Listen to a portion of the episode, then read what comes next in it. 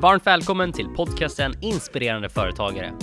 I dagens avsnitt träffar vi Hanna Gerde som är en folkrättsjurist med specialisering inom mänskliga rättigheter. Det är alltså mänskliga rättigheter vi kommer prata om och hur hon har lyckats starta ett företag inom just det området. Hoppas ni tycker att avsnittet är värt att lyssna på. Nu kör vi!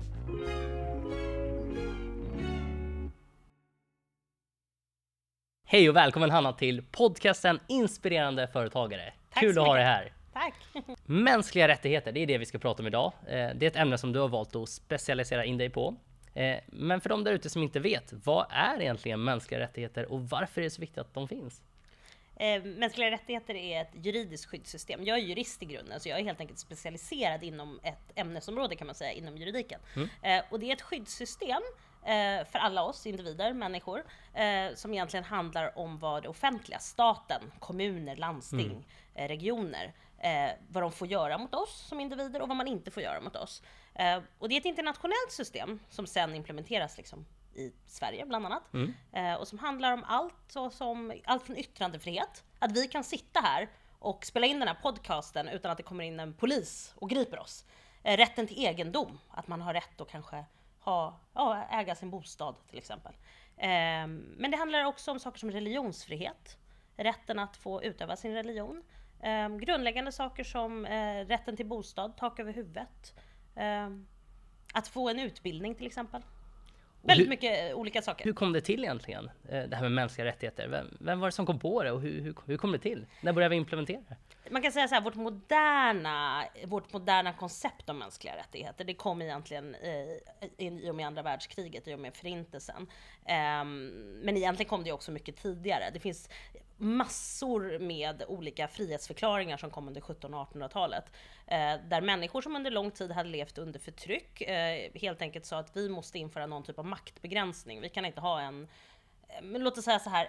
Om du tänker tillbaka under väldigt lång tid i historien, då hade du till exempel en kung eller en tsar eller en farao, det kunde se väldigt olika ut beroende på var du bodde i världen, eh, som egentligen hade oinskränkt makt. Och gillade man då till exempel inte, ja men jag vet inte, att du hade en sån där kavaj på dig, så kunde man befalla sina soldater, hugg halsen av honom. Ja.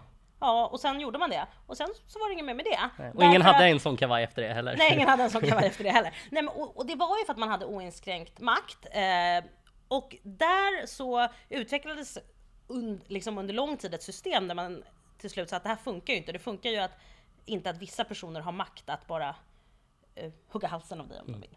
Det som blev liksom underlaget till ehm, hela det rättssystem som idag finns för att, som egentligen innebär en maktbegränsning av vad de som är i majoritet kan göra mot dem i minoritet. Så det säga, även om du är demokratiskt vald så betyder inte det att du bara kan göra vad som helst. Helt plötsligt börja gå och slakta människor till exempel. Eller säga att eh, man får inte yttra sig om man heter Maciej, eller man får inte yttra sig om man heter Hanna. Eller det är bara män som får prata i Sverige, kvinnor får inte prata längre till exempel. Och vad var det som fick dig att engagera dig i just mänskliga rättigheter? Och kommer du ihåg när du kom i kontakt med mänskliga rättigheter?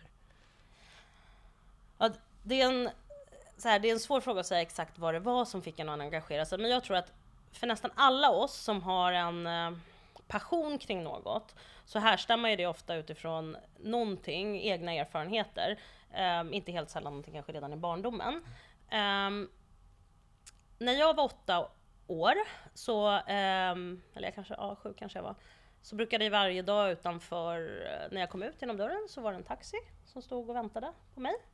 Uh, och den körde mig till skolan. Och varje dag efter skolan så var det en taxi som kom och väntade på mig och körde mig hem. Och ibland brukade den här taxichauffören stanna till och köpa glass och sitta och prata med mig. Um, och det var inte för väldigt många år senare som jag faktiskt insåg att det var inte så att alla små flickor i Sverige hade en taxi som hämtade dem varje dag.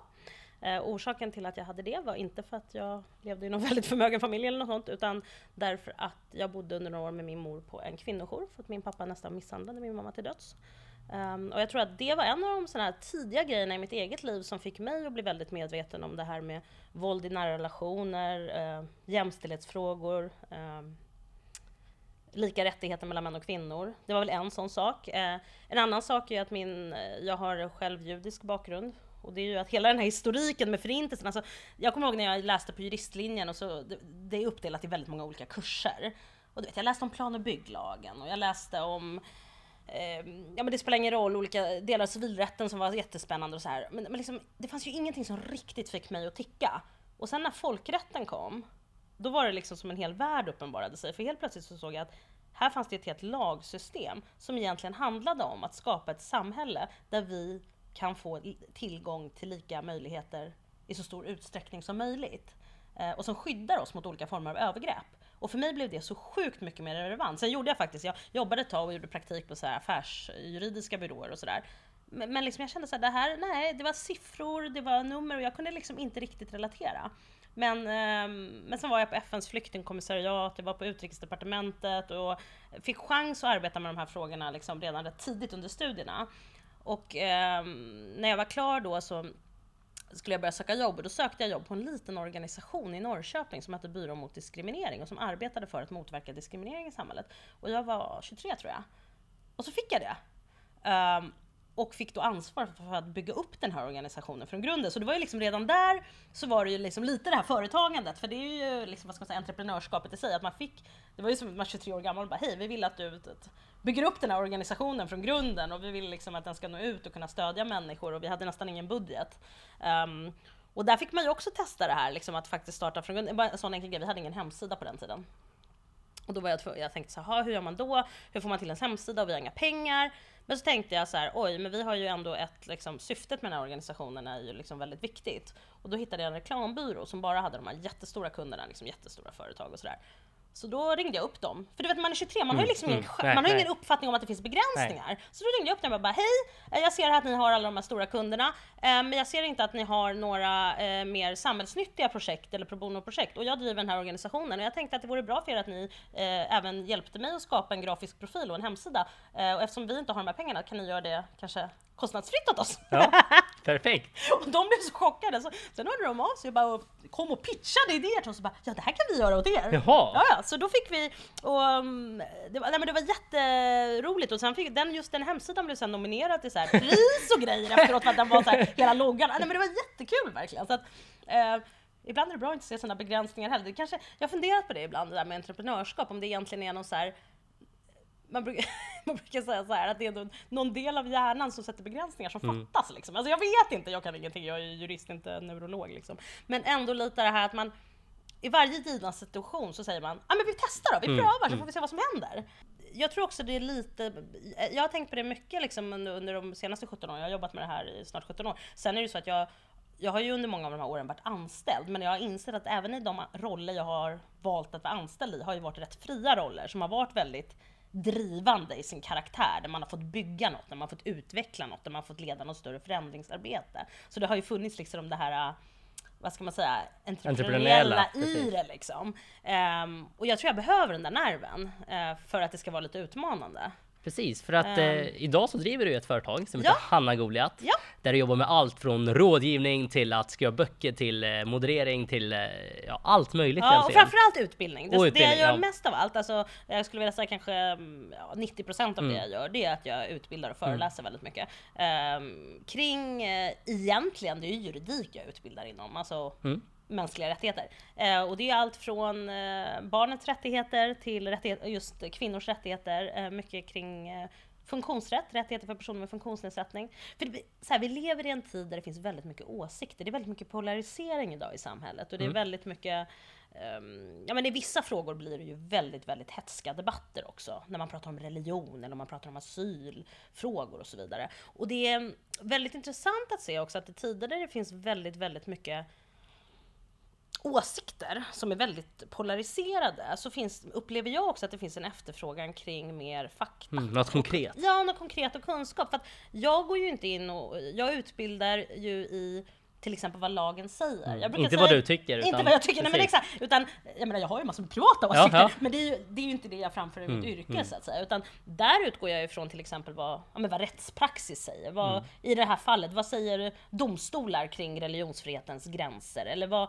när det gäller yttrandefriheten? Eller mm. när det gäller till exempel vad för krav man har när det gäller att anpassa arbetsplatsen för personer med funktionsnedsättning? Eller, eller vad är diskriminering egentligen? Mm. Och det där är ju en viktig fråga, för det är ju minst lika viktigt att förstå vad som som inte är diskriminering som vad som är det. Just att det. det är ju, eh, nej men det är väl mest, jag utbildar, jag jobbar väldigt mycket med att utbilda och föreläsa eh, kring juridik. Så att egentligen så är ju inte min verksamhet på det sättet, jag tänker så här, det finns ju hur mycket juristbyråer som helst som jobbar med olika former av eh, och advokatbyråer som jobbar med juridik. Men det som jag tror kanske är lite speciellt för att vara i Sverige, det är ju att, att eh, min specialisering inom mänskliga rättigheter de flesta som jobbar med det, vi är inte jättemånga jurister som har den specialiseringen, men de som gör det, de flesta jobbar ju ofta antingen kanske inom akademin, alltså man blir kvar och doktorerar och så vidare. Eller så jobbar man mycket på civilsamhällesorganisationer eller inom regeringskansliet eller på myndighet. Alltså, och det är den bakgrund jag själv har också, jag har ju jobbat med de här. Men sen så för tre år sedan så, så bestämde jag mig för att, men undra om man skulle klara av att göra det här och vara arbetsgivaroberoende. Eh, för det finns idag en stor efterfrågan på kunskap upplever jag. Ehm, och då tänkte jag, ja men då testar jag väl då. Ja, ja och det var egentligen min Ja, andra fråga. Ja, Och eh, på den här vägen då, har, du- hur, hur, hur var det att, att eh, sätta igång det här företaget och har du mött några utmaningar på vägen? Ja, alltså gud ja, det finns ju utmaningar hela tiden. Alltså, grejen att jag var föräldraledig med min tredje dotter när jag startade eh, Hanna en Goliat. Ehm, och det var ju en fördel på ett sätt, för det var ju också att eftersom jag väl, dels var jag ledig och du vet, det är så här, jag tror också det är en sån här fråga om en viss ålder, att man kommer till en sån här balans i livet situation. Att jag insåg så här, jag har tre barn, jag vill kunna hämta ibland tidigare, jag vill kunna vara med dem, jag har massor med fritidsengagemang. Jag är en rätt engagerad person, så jag sitter i styrelser. Alltså, jag kände att jag vill ha plats för livet. Eh, och jag vill fortfarande kunna jobba med det som jag älskar. Men jag insåg att det var li- jag blev för begränsad av att behöva gå till ett kontor varje dag. Även om jag jobbade på en helt fantastisk människorättsorganisation som jag trivdes på. Men det var ändå så här, det var för begränsat. Och där så, ehm, nej men då, min man är entreprenör och han har sagt till mig länge så här, varför startar du inte eget? Varför startar du inte eget? Han startade sitt första bolag när han var 17 liksom. Och jag har tänkt så här, nej men det räcker med en i familjen och nej men det, det kan man ju inte vara. Man kan ju inte vara egen som jag tänkte jag. Um, men sen var jag föräldraledig och då hade jag ju, ja, delvis hade jag ju föräldrapenning liksom. Um, så jag hade lite tid att tänka och sådär. Så tänkte jag så här, ja men varför inte? Um, och då var det så kul också, för när jag startade eget så tänkte jag så här att om jag nu ska göra det här så ska jag göra det här, apropå det här med passion, göra det utifrån hur jag vill ha det, inte utifrån hur det, ska, hur det borde vara. Så jag gick in och började kolla, så här, hur, har, hur har folk lagt upp sin marknadsföring och he- hemsidor? Det var, alla hade så här, vet, svartvita bilder på sig själva, professionella konsulter typ. Och jag tänkte så här, nej men jag gillar ju, jag jobbar ju med pedagogik och kreativitet, jag gillar att utbilda och jag jobbar mycket med inte minst barnets rättigheter. Jag, hade, ja, jag har skrivit några böcker som sagt, då hade jag skrivit en bok eh, just eh, inte, eh, långt innan om barnkonventionen. För den ju bli lag nu i Sverige, så, jag, så jag, jag ville skriva en folkbildande bok helt enkelt. Så att så här, man ska kunna jobba i köket på en skola, eh, eller som barnskötare och fundera kring vad betyder barnets rätt att uttrycka sin åsikt, eller vad betyder icke-diskriminering och så vidare. Ehm, och då, eh, ja men i och med det så tänkte jag, nej jag, jag ska göra något annat. Jag ska göra en lekfull hemsida. Och den ska vara tecknad! Och sen när jag hade bestämt det så tänkte jag så här, och sen nu när jag ska marknadsföra mig, då kan jag ju inte liksom, eh, jag är inte så jättesugen på att dela bilder på mig själv eller när jag är ute och gör uppdrag. Jag skapar ett alter ego. Så jag skapade en tecknad version av mig själv. Och den här tecknade versionen av, av mig själv gör då saker hela tiden som jag själv aldrig skulle kunna göra. Som till exempel, jag hade ett jättespännande uppdrag för ett ishockeylag. Eh, ett rätt känt ishockeylag. Eh, som jag utbildade kring eh, ja, barnkonventionen, bland annat. De gör ett fantastiskt arbete, men det var jättespännande. Och då så här, jag har aldrig spelat ishockey. Dessutom har jag alltid klänningar på mig, jag har aldrig byxor. Men då ritade jag mig själv. I som- byxor? Som, I byxor som ishockeyspelare. Jaha, ja. Och så marknadsförde jag då att jag skulle ut och göra det här. Och så har jag gjort hela tiden. Mm. Häromveckan var jag hos ett jättestort byggbolag och utbildade. Och då, har jag, då är ju lilla Hanna ute med liksom, du vet, bygghjälm i en byggarbetsplats. Så att, grejer jag an- det är ju väldigt lekfullt också. Det är, ju- det är så här, jo, man utbildar visserligen om juridik och seriösa saker, men för mig har det alltid varit en vision och en ambition att göra juridiken lättillgänglig. Ehm, för jag tror att många upplever det som något väldigt krångligt, uh, någonting som, ja men du vet, och jurister som rätt trista. Mm. Jag brukar säga, jag är ingen trist jurist.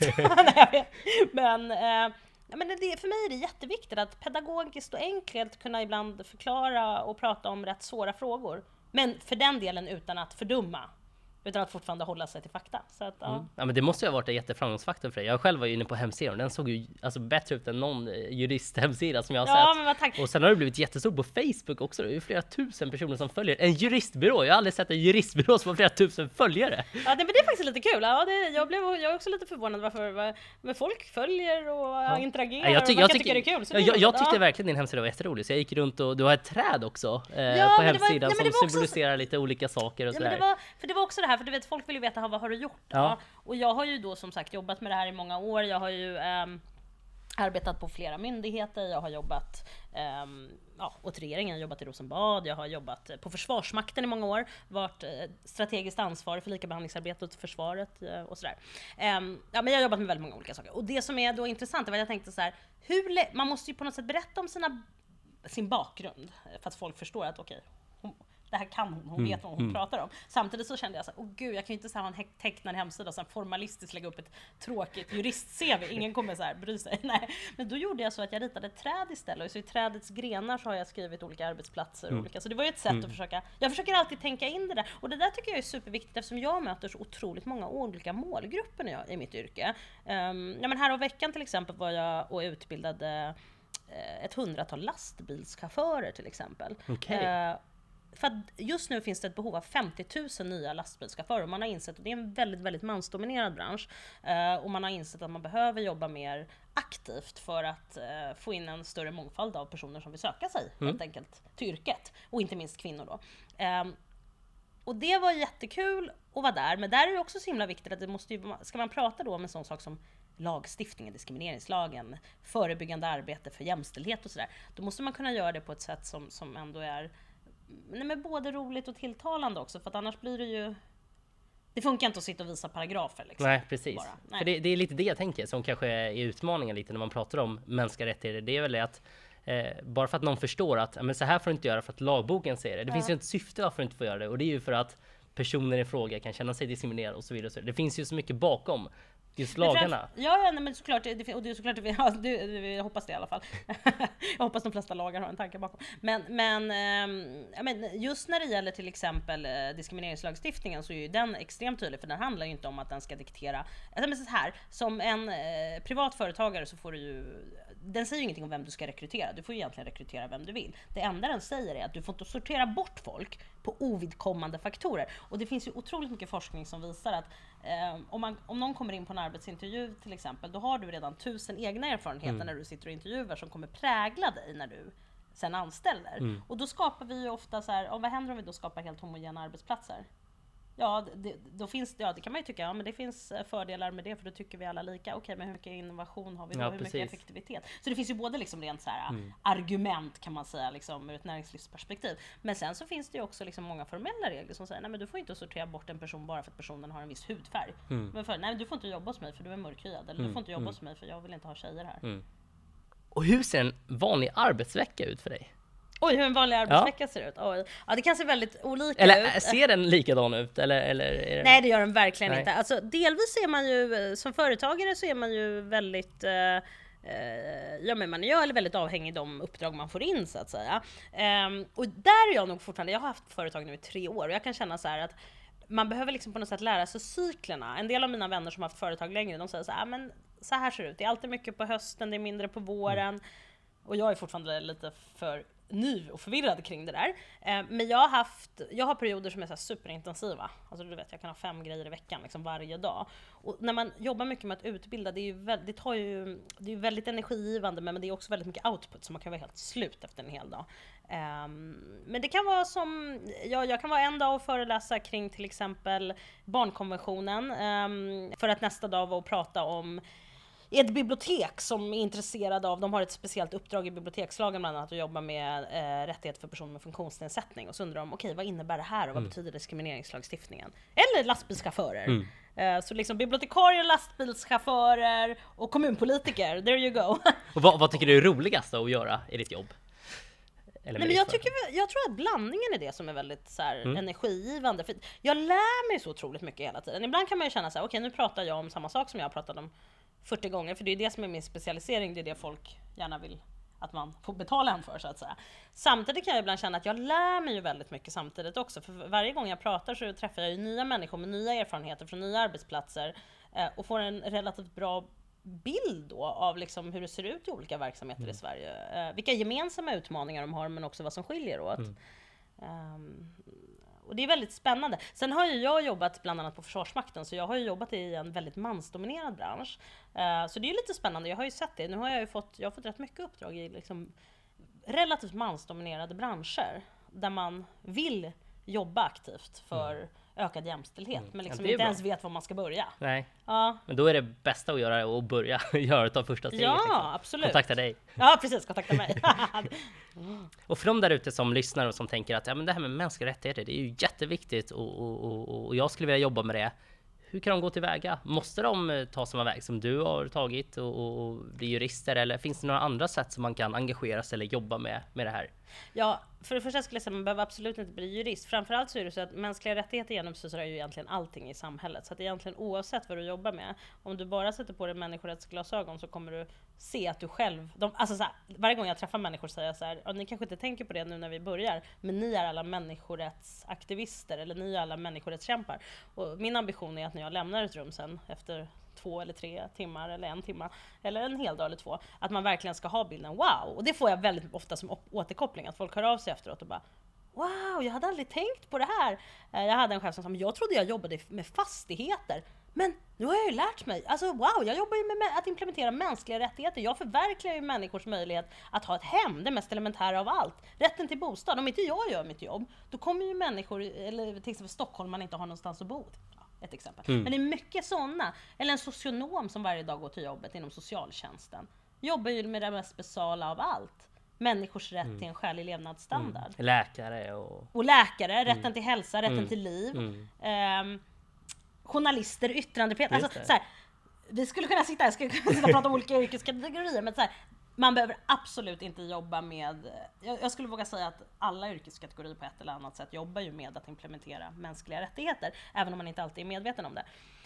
Vill man jobba mer utifrån mer som ett juridiskt system, då finns det ju alltid en fördel med att vara jurist såklart. Mm, såklart.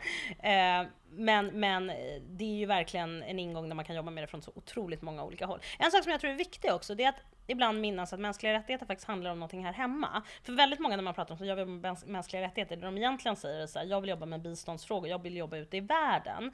Eh, och det kan jag förstå. Jag kan förstå det här engagemanget för att nu vill jag åka ner och jobba för flickors rättigheter eh, nere i Ghana till exempel.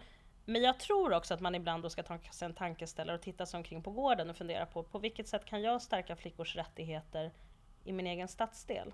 Man behöver inte åka till ett annat land. Det, det, man kan gärna höra av sig till mig. Ja. ja, jag blir alltid inspirerad av att träffa studenter och andra. För hur gör man egentligen nu eh, om man vill komma i kontakt med dig? Både som eh, kanske en potentiell eh, samarbetspartner eller kund eller, eller sådär. Hur, hur kommer man i kontakt med dig på bästa sätt? Ja, allra bästa är väl att gå in på min hemsida. Det är hannagoliat.com och där hittar man alla kontaktuppgifter och all information. Och så, eller så kan man mejla mig. Det är också enkelt. Hanna att hannagoliat.com. Jag har försökt att göra det pedagogiskt. Ja, men det är suveränt. Stort tack för att du ville vara med. Ja, tack så eh, mycket. fantastiskt kul. Jag tror att det här är ett ämne som verkligen engagerar jättemånga personer och jag hoppas att det kommer engagera ännu fler. Ja. Tack så jättemycket. Tack så jättemycket.